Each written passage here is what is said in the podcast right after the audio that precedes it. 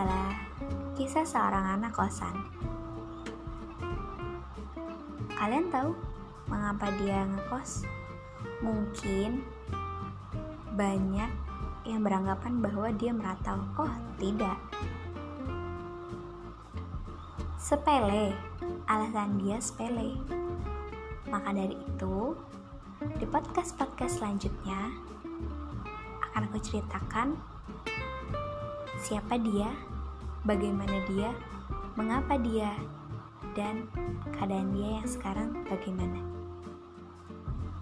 Stay tuned on the podcast. Me. See you.